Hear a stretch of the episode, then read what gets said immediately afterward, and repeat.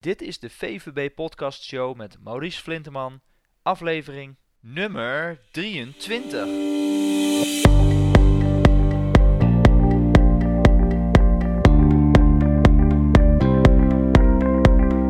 Welkom bij de VVB Podcast Show, waarin je luistert naar experts die je voorzien van de beste informatie, tips en tricks om het rendement op je vermogen te optimaliseren. Vandaag spreek ik met Hendrik Meesman, de oprichter van Meesman Index Beleggen. Meesman is in 2005 opgericht en was de eerste Nederlandse indexbelegger. Inmiddels doet Meesman al meer dan 10 jaar aan echt passief beleggen. Breed spreiden tegen lage kosten en er dan zo min mogelijk meer naar omkijken. Vandaag gaan we het hebben over dus passief beleggen, een eenvoudige en goedkope manier van beleggen waarmee consistent in het verleden goede resultaten zijn behaald. Een leuke, interessante en inspirerende podcast samen met Hendrik Meesman over waarom en wat passief beleggen zo succesvol maakt in onder andere Amerika. Ik wens je heel veel luisterplezier. Vandaag in de podcast bij VUVB Hendrik Meesman van Meesman Index Beleggen. Welkom uh, Hendrik. Dankjewel, goedemorgen. Goedemorgen. We gaan het vandaag hebben over uh, uh, ja, echt passief beleggen. Is dat nou het beste? En daar nou ja, kunnen jullie als geen ander natuurlijk over vertellen, want dat doen jullie al een, een hele geruime tijd. En er is natuurlijk de afgelopen tijd, de afgelopen periode, is er steeds meer wetenschappelijk onderzoek en ook statistieken die aantonen dat als je volledig passief belegt, en dan moet je wel natuurlijk passief heel goed begrijpen wat het nou precies is, je over de lange termijn een grotere kans hebt om een marktconform resultaat te behalen dan dat je actief belegt. En Hendrik, misschien kun jij allereerst even in Jip en Janneke taal uitleggen wat nou eigenlijk precies het verschil is tussen actief en passief beleggen. Want daar struikelen veel mensen over, uh, merk ik. Dus aan jou de ja. eer. Ja, dat, uh, dank je. Uh, ik, ik uh, kan me voorstellen dat mensen daar moeite hebben om dat goed helder te krijgen. Daar is ook vrij veel verwarring over. Voor ons is dat heel eenvoudig. Um, ja, actief beleggen, om daar even mee te beginnen, dat daar zijn natuurlijk honderden, duizenden manieren om dat te doen. Allerlei beleggingsstrategieën, iedereen bedenkt weer wat anders. Maar au fond, uiteindelijk komen die terug tot twee zeg maar, basisdingen. Dat is wat, wat heet stockpicking, dus proberen de beste aandelen of obligaties of wat dan ook te selecteren. En market timing, dus uh, het timen van wanneer je in en uit moet stappen. De meeste strategieën zijn een combinatie van die twee dingen. Nou, passief beleggen is precies het tegenovergestelde. Bij passief beleggen zeg je eigenlijk, je gaat niet proberen de beste aandelen te selecteren. Je gaat ook niet proberen te timen. Je gaat je beleggingen gewoon heel breed spreiden. Uh, je houdt je kosten heel laag en vervolgens hou je die beleggingen voor de lange termijn aan. Dus gewoon breed spreiden, lage kosten en gewoon rustig blijven zitten en er niet meer naar omkijken. Dat is het kort samengevat. Um, en, uh, en, en dat is ja, het grote verschil. In ieder geval ga je dus wel proberen op, een, op basis van een ja, kennis of visie uh, wat waarde toe te voegen. En bij, uh, bij passief beleggen probeer je gewoon die markt te volgen. Omdat je weet dat dat op lange termijn het beste rendement meestal oplevert. Ja, voor veel beleggers uh, klinkt dat meestal allereerst in ieder geval heel onnatuurlijk. Omdat zij zeggen, ja, uh, stockpicking, hè, dus ja, als je... Je wil uiteindelijk de goede bedrijven waar je in belegt. Nou, vermogensbeheerder is dan bij uitstek natuurlijk de partij die je daarbij gaat helpen. Want zelf hebben ze vaak die expertise niet. Maar ja, je hebt goede bedrijven, je hebt minder goede bedrijven. Maar is het dan niet enorm gevaarlijk als je gewoon maar alle bedrijven hebt? En stel dat je in een hele slechte periode zit, hè, jaar 2008. Ik denk dat iedereen uh, die wel kent. Ja, dan ga ik net zo hard mee naar beneden. Ja, maar um, kijk, het klinkt natuurlijk, als je de beste aandelen of bedrijven kunt selecteren, is dat uiteraard, zou dat te prefereren zijn boven de hele markt, als het ware, kopen. Maar het probleem is uh, dat dat in de praktijk heel erg moeilijk is. Markten zijn ontzettend efficiënt. Alle informatie van heel veel beleggers, miljoenen beleggers over de hele wereld, zit verwerkt in die beurskoersen. En om het dan beter te doen dan uh, de markt is heel moeilijk. En hoe weten we dat? Ja, je noemde net het onderzoek. Je zegt de afgelopen jaren uh, wordt is er steeds meer onderzoek. Dat is waar. Maar uh, die onderzoeken worden al sinds de jaren 60 van de vorige eeuw gedaan. Dus we hebben het echt over onderzoeken die al teruggaan meer dan 50 jaar. En al die onderzoeken tonen te telkens aan dat de meeste beleggers, ook professionele beleggers, niet in staat zijn die beste aandelen te selecteren. Ook onderzoeken naar bijvoorbeeld analisten, waar veel op af wordt gegaan, Nou ja, als je dat, uh, daar wordt ook onderzoek naar gedaan door partijen als Bloomberg bijvoorbeeld. De, veel van die analisten, ja, meestal bij het, eigenlijk uit al die onderzoeken komt meestal weer hetzelfde conclusie. Je kan de adviezen van analisten beter niet opvolgen dan wel. Dus uh, ja, natuurlijk klinkt het aantrekkelijk om de beste aandelen te selecteren. Dat is natuurlijk ook wat elke vermogensbeheerder of fondsbeheerder probeert te doen. Maar de praktijk is dat heel erg moeilijk.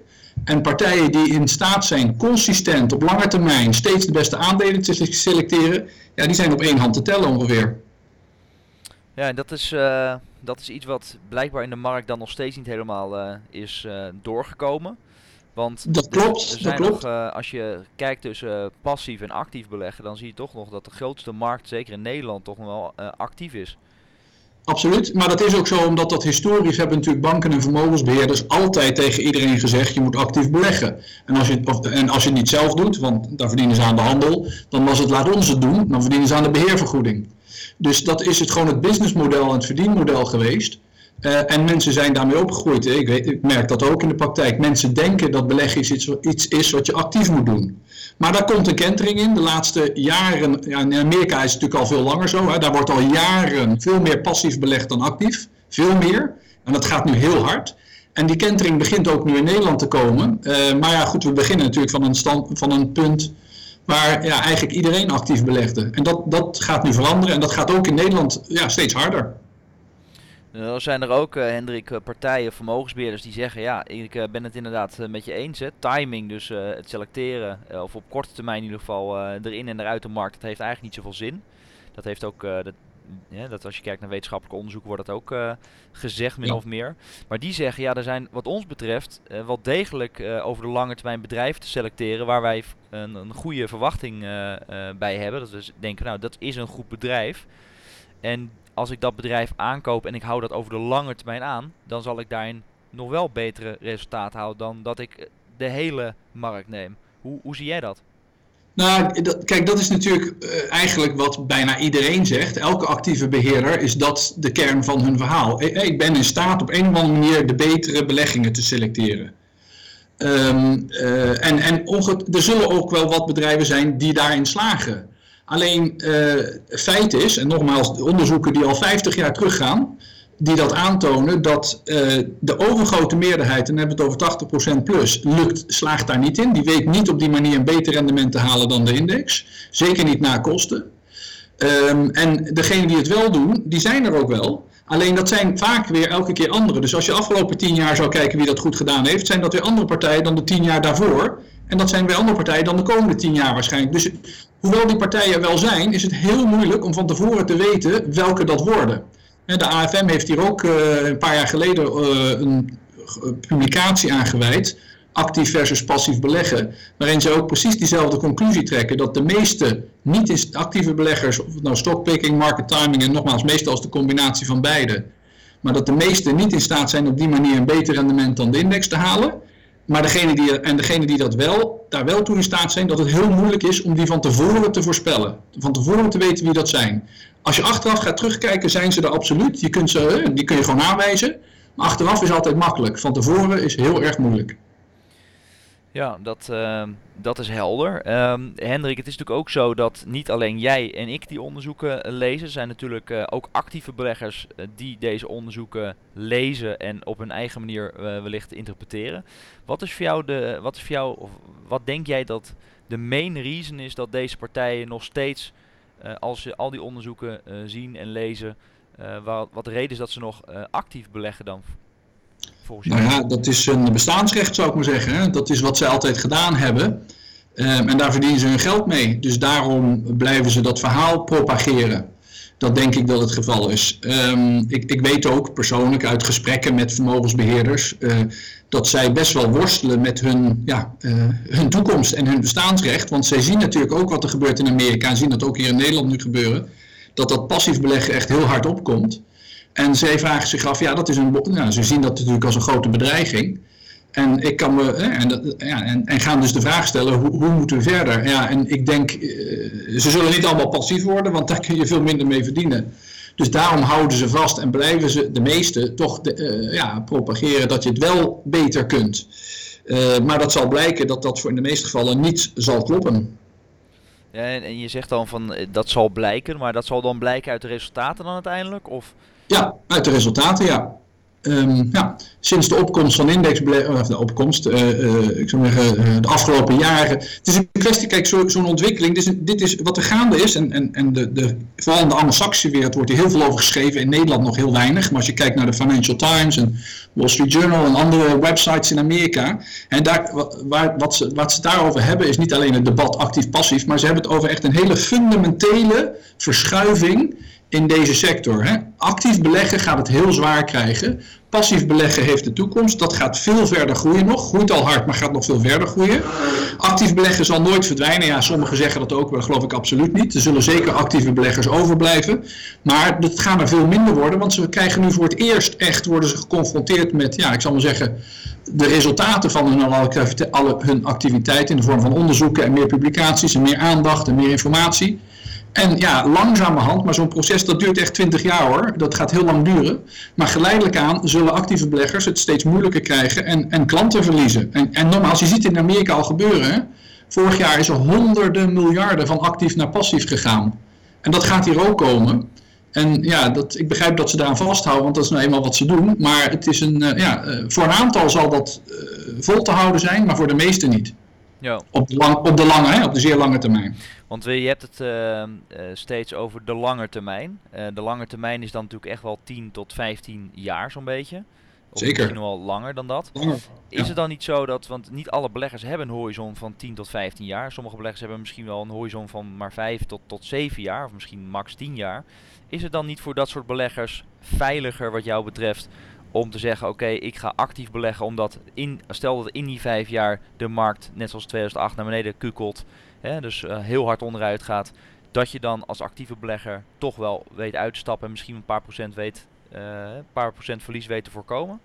Ja, als dat zo was, zou ik het helemaal met je eens zijn. Uh, ook daar is onderzoek naar gedaan natuurlijk in 2008. Uh, ja, twee dingen hier. Als je kijkt naar actief beheerde beleggingsfondsen, die zijn in 2008 gemiddeld nog veel verder gedaald dan de indexfondsen. Hè. Dus het feit dat je actief belegt, is geen enkele garantie dat je op tijd uitstapt en weer instapt. Sterker nog, dat lukt de meeste echt niet. Dus het is niet zo dat door actief beleggen je dat verlies kunt beperken dat is niet helemaal het hele verhaal, want er zijn natuurlijk actieve beleggers die wel uitstappen. Niet zozeer beleggingsfondsen, maar vermogensbeheerders kunnen dat natuurlijk wel. Maar dan dat, dat uh, de gedachte dat een vermogensbeheerder dus die timing goed heeft, dus op een goede moment kan uitstappen en op het goede moment weer in kan stappen. Want je moet twee keer goed gokken, vergeet dat niet. Uh, daar is heel weinig bewijs voor. Sterker nog, al het onderzoek wat daarna gedaan wordt, laat ook weer zien dat dat niet lukt. De meeste vermogensbeheerders niet lukt.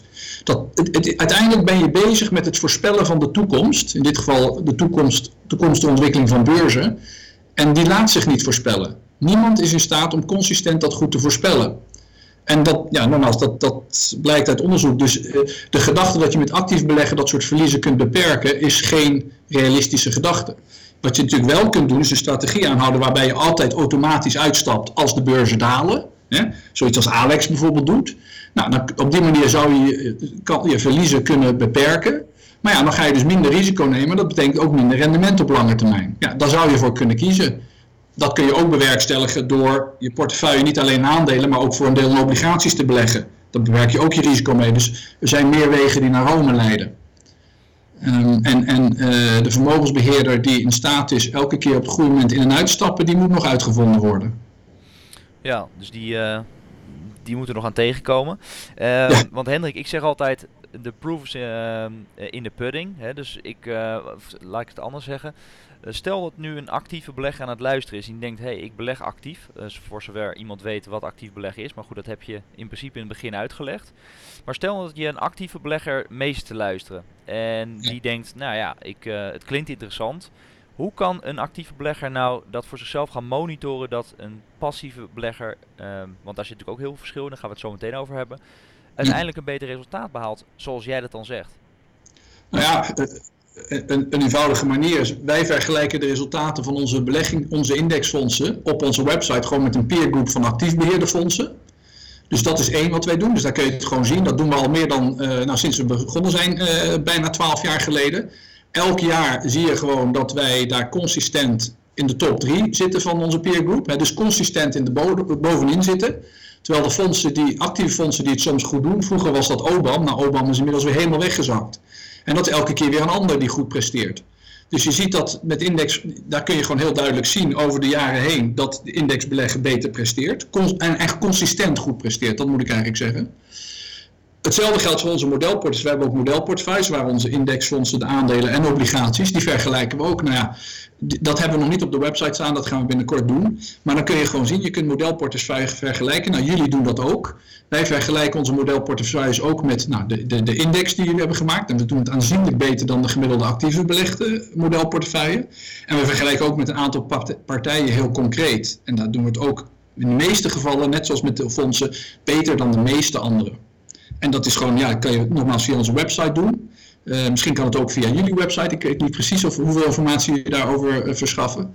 Maar, um, en zo zijn er uh, best mogelijkheden om dat te doen. Ik denk wel overigens dat de informatie op dit gebied van, veel beter nog kan in Nederland. Dat dus een website die dat allemaal heel goed inzichtelijk maakt en individueel ook de modelportefeuilles ook echt laat zien wat de rendementen zijn. Dat vergelijkt met een vergelijkbare passieve portefeuille, dat dat zeker nog beter kan in Nederland.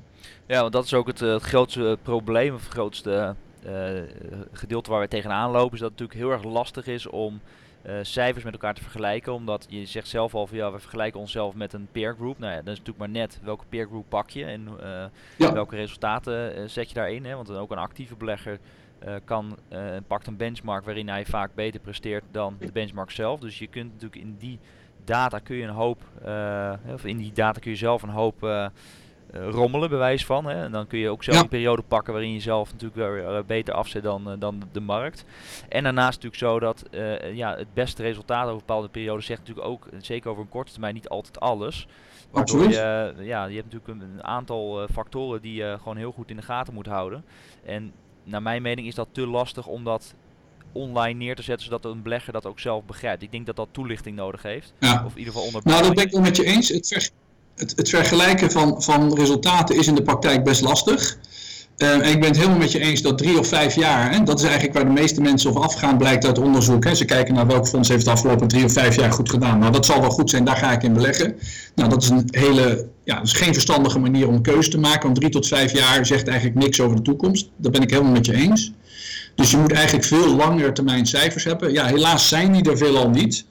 Um, maar daar moet je dan ja, een beetje vertrouwen op het, het wetenschappelijk onderzoek. Hè. En dat komt nogmaals voor, voor het grootste deel uit Amerika. Daar hebben ze databases die heel ver teruggaan in de tijd. Uh, tot de jaren 20 van de vorige eeuw. Waar ook gecorrigeerd wordt voor dit soort dingen. Maar nogmaals, het blijft. Het is heel moeilijk om 100% appels met appels te vergelijken. Dat ben ik met je eens.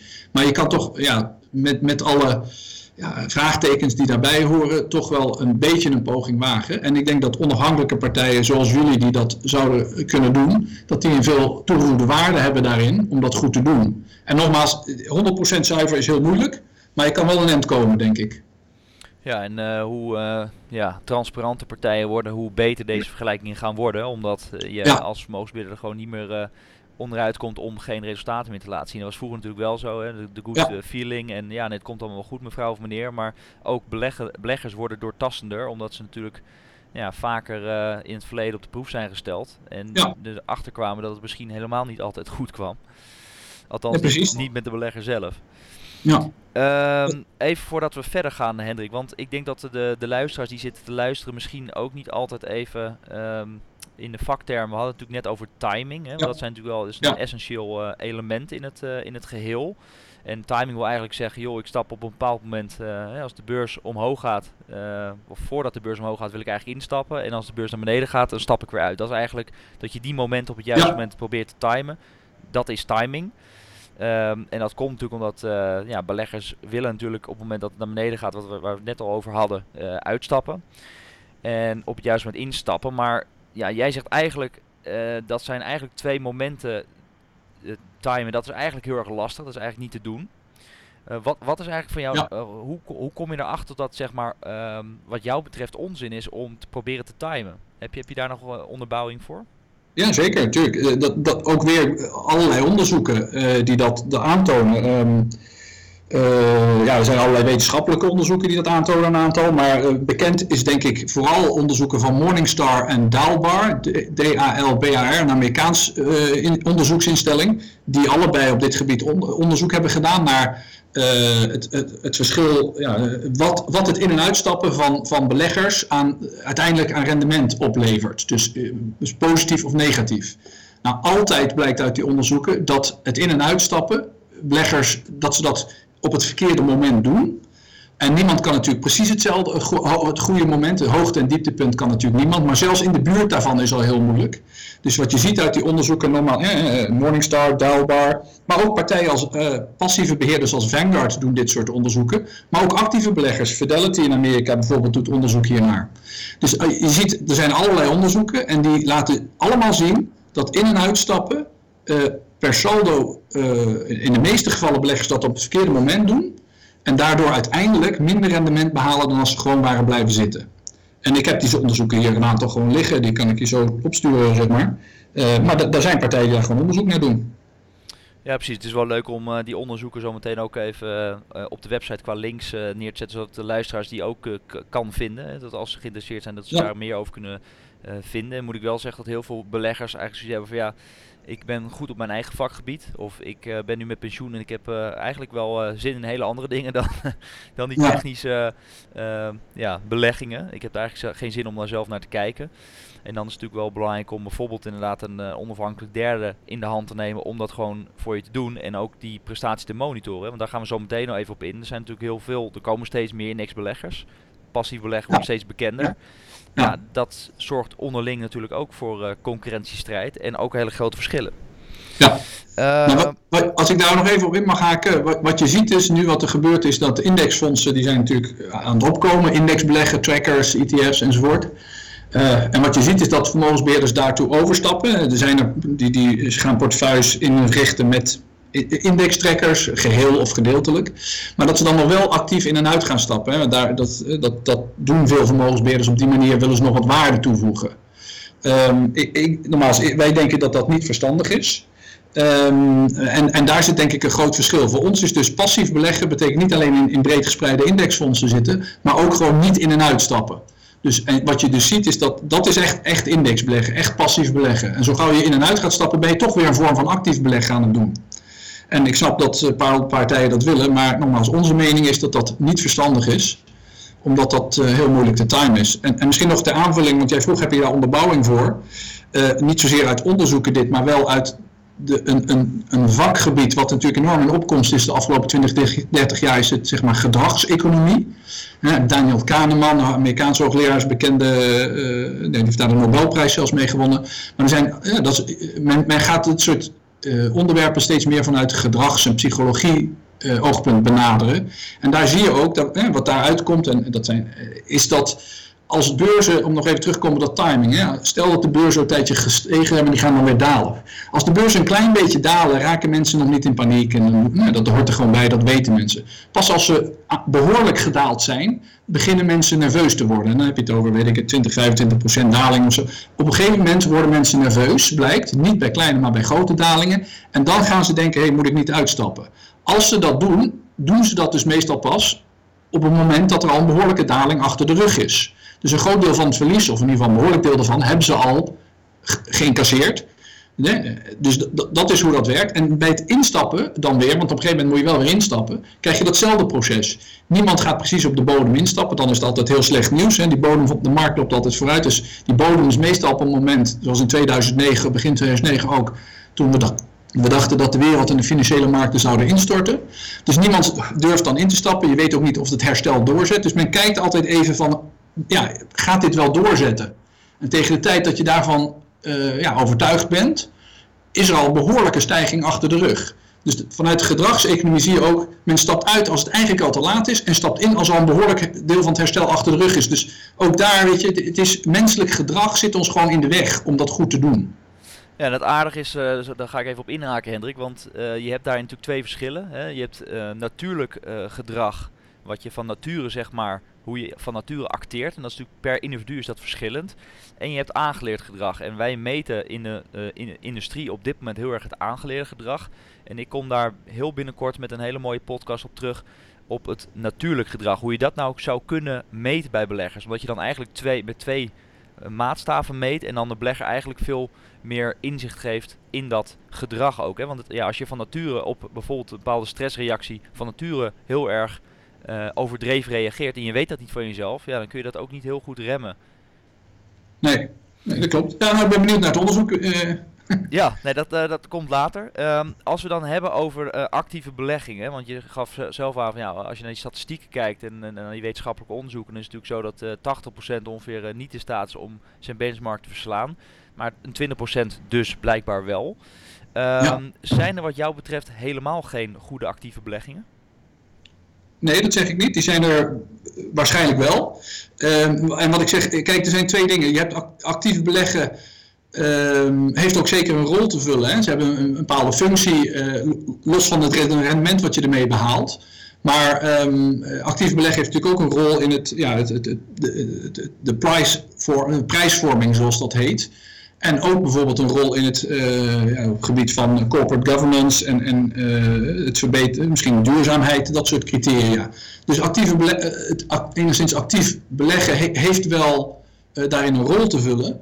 Alleen ik denk niet dat je te veel illusies moet hebben dat je daarmee een veel beter rendement gaat halen. Dat is het enige. Dus je kan ook uit andere oogpunten actief willen beleggen. Bijvoorbeeld omdat je een extreem duurzame portefeuille wil. Nou, partijen als ASN en, en Triodos bijvoorbeeld doen dat. Dat kan ook een reden zijn om daarvoor te kiezen. Dat kost nou eenmaal meer geld, dat is zo.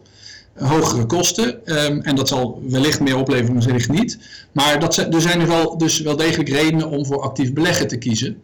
Um, maar, uh, maar ik denk niet, uh, voor de meeste mensen gaat uiteindelijk die denken van, uh, een actieve belegger, dat is iemand met ja, een professionele belegger die verstand van zaken heeft. En met die kennis zal voor mij een hoger rendement opleveren. Die illusie moet je niet hebben.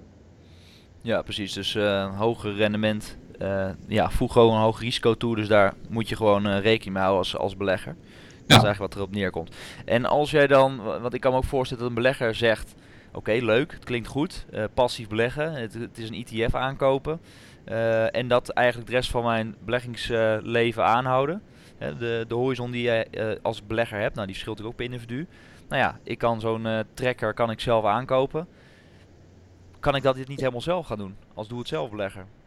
Nou, er zijn nog, nog ja, in principe is het redelijk eenvoudig, maar er zijn nog wel een paar dingen waar je natuurlijk wel op goed op moet letten. En als je daar zelf echt induikt, kun je dat ook doen. Uh, en als je dat niet, niet echt induikt, dan moet je daar een andere partij dat voor je laten doen. Maar uh, een paar dingen zou ik daarop zeggen waar je echt op moet letten. Eén is een trekker aankopen, zoals je noemt. Ja, dat, er zijn inmiddels duizenden indexfondsen in de wereld. Er zijn inmiddels meer dan een miljoen indexen, las ik laatst. Wat ik bijna niet kan geloven. Maar er zijn ongelooflijk veel mogelijkheden. Dus de vraag is nog altijd welke wil je hebben. En er zijn grote verschillen. Wij kijken daar ook naar. Hè. Dus zelfs indextrekkers die ogenschijnlijk hetzelfde zijn Pak er een paar die bijvoorbeeld wereldwijd in aandelen beleggen. Daar zitten grote verschillen tussen. Die rendementen kunnen 5 à 10 procent per jaar verschillen. Afhankelijk van uh, ja, de details. Dus je moet wel altijd nog goed kijken welke index wordt gevolgd. Hoe wordt dat gedaan? Er zijn verschillende manieren om dat te doen. De een neemt meer risico met zich mee dan de ander. Worden effecten uitgeleend? Kunnen dividendbelasting kan dat teruggevoerd worden? Enzovoort. Er zijn dus allemaal criteria waar je toch nog wel naar moet kijken. En die maken echt veel uit voor het rendement wat je maakt. Dus de keuze van een tracker is nog niet zo eenvoudig als het lijkt. Sterker nog, die is best ingewikkeld. Dat is één. Het tweede waar je altijd nog op moet letten is dat je moet herbalanceren. Dat vinden wij verstandig. Dus je hebt een bepaalde verdeling tussen risicovolle en risicomijdende aandelen. Dat moet je herbalanceren om zoveel tijd. En het derde is, als je een bepaald doel hebt, als je echt belegt voor een bepaald doel, ik wil over 20 jaar eh, weet ik het, een bepaald bedrag hebben om daar iets mee te doen, dan moet je ook het risico afbouwen. Dus daar moet je ook over nadenken, hoe doe ik dat? Dus er zijn nog wel degelijk dingen waar je nog even naar moet kijken. Um, en uh, wat, uh, wat ik zeg is, in, de praktijk is het iets ingewikkelder dan het lijkt.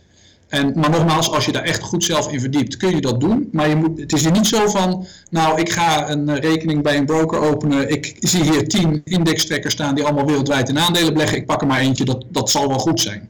Het, het is wel iets meer werk dan dat.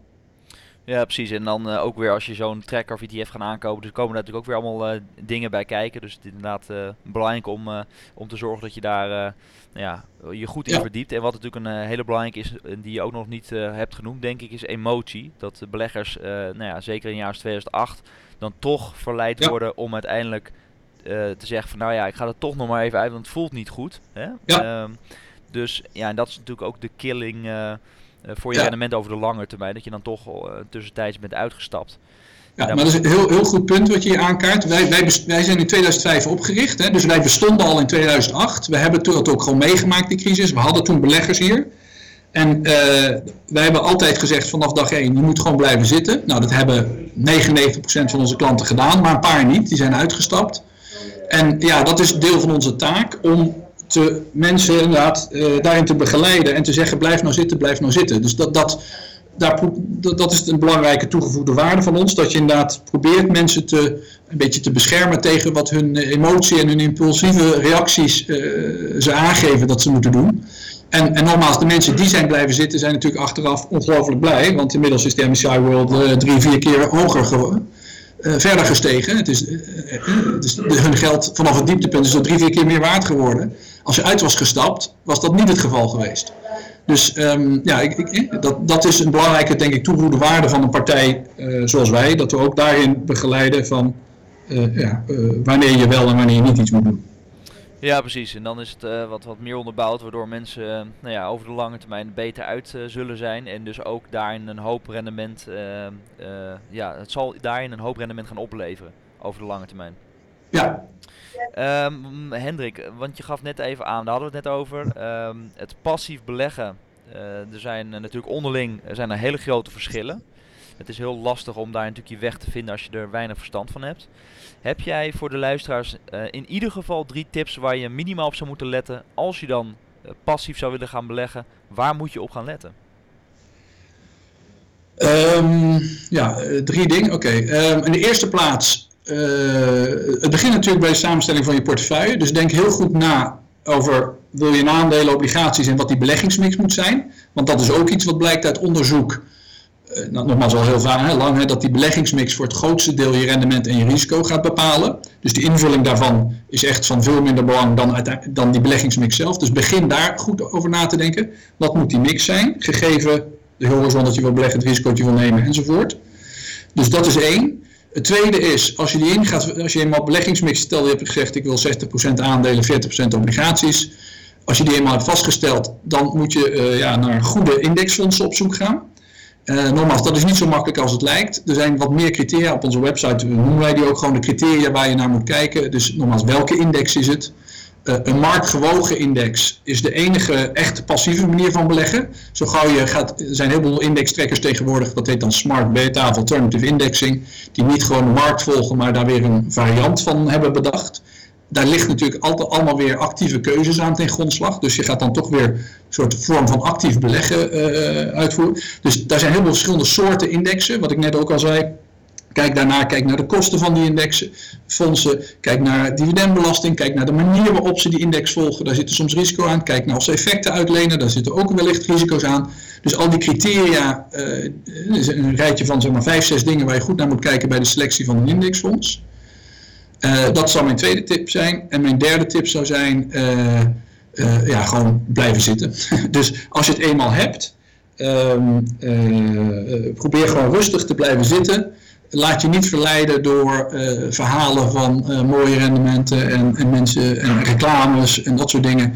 Maar probeer, zoals een bekende Amerikaanse hoogleraar dat ooit zei, als je de krant pakt, sla de financiële pagina's over en lees de sportpagina's. Dat is verreweg het beste voor je beleggingsrendement. Ja, dat is een mooie. Want jij belegt nu, of je, je bent met je bedrijf al een hele tijd bezig, vanaf 2005. Ja. dus al dik 12 jaar. Ehm, daar heb jij natuurlijk heel veel geleerd en heel veel inzichten gekregen. Maar wat is nou, wat, dus dat waar we mee afsluiten ook, wat is nou jouw belangrijkste levensles die je hebt geleerd tijdens jouw werkzame leven, die jouw leven destijds in ieder geval volledig op zijn kop heeft gezet? Ja, wat beleggen betreft bedoel je denk ik, hè? Eh, dat mag, ja. dat mag ook iets anders zijn. Oké, nou nee, ik, ik, hou, ik beperk het dan tot beleggen. Um, ik denk um, de belangrijkste les die ik geleerd heb. Wat zeg je? Oh.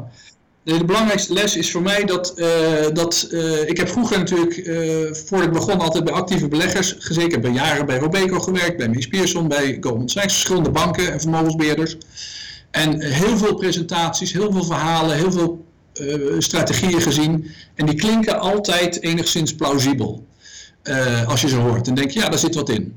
En 9 van de 10 keer of 8 van de 10 keer blijkt achteraf dat dat niet zo is. Dus mijn belangrijkste les zou eigenlijk zijn van ga af op wat onafhankelijk onderzoek over een lange periode, echt lange periodes aantoont.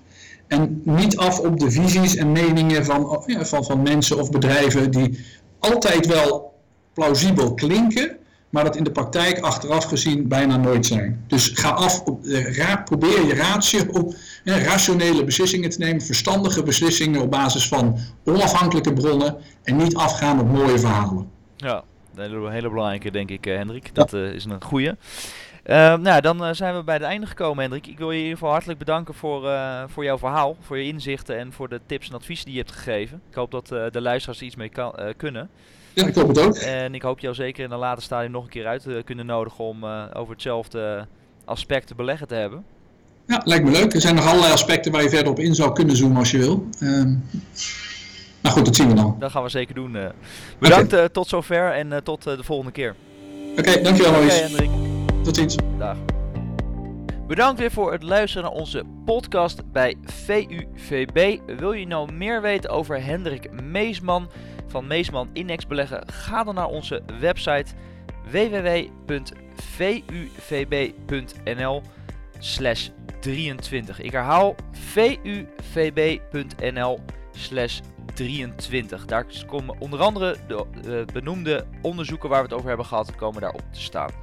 Wil jij nou meer hulp bij jouw portefeuille? Heb je een bestaande portefeuille waar je niet helemaal tevreden over bent? Of ben je van plan om te gaan beleggen? Neem dan eens contact met ons op, omdat wij jou kunnen helpen een zo goed mogelijk resultaat te behalen op jouw beleggingen.